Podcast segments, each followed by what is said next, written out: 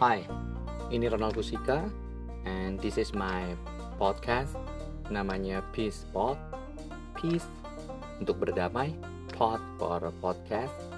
So that's why I call it Peace Pod. Atau dalam bahasa Indonesia bisa juga disebut Peace Pod.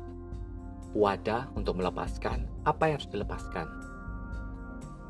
Sesuai dengan pengertiannya, ini wadah untuk melepaskan isi hati, isi pikiran yang memang harus dilepaskan, di-share untuk banyak orang bisa saling mendengar dan belajar.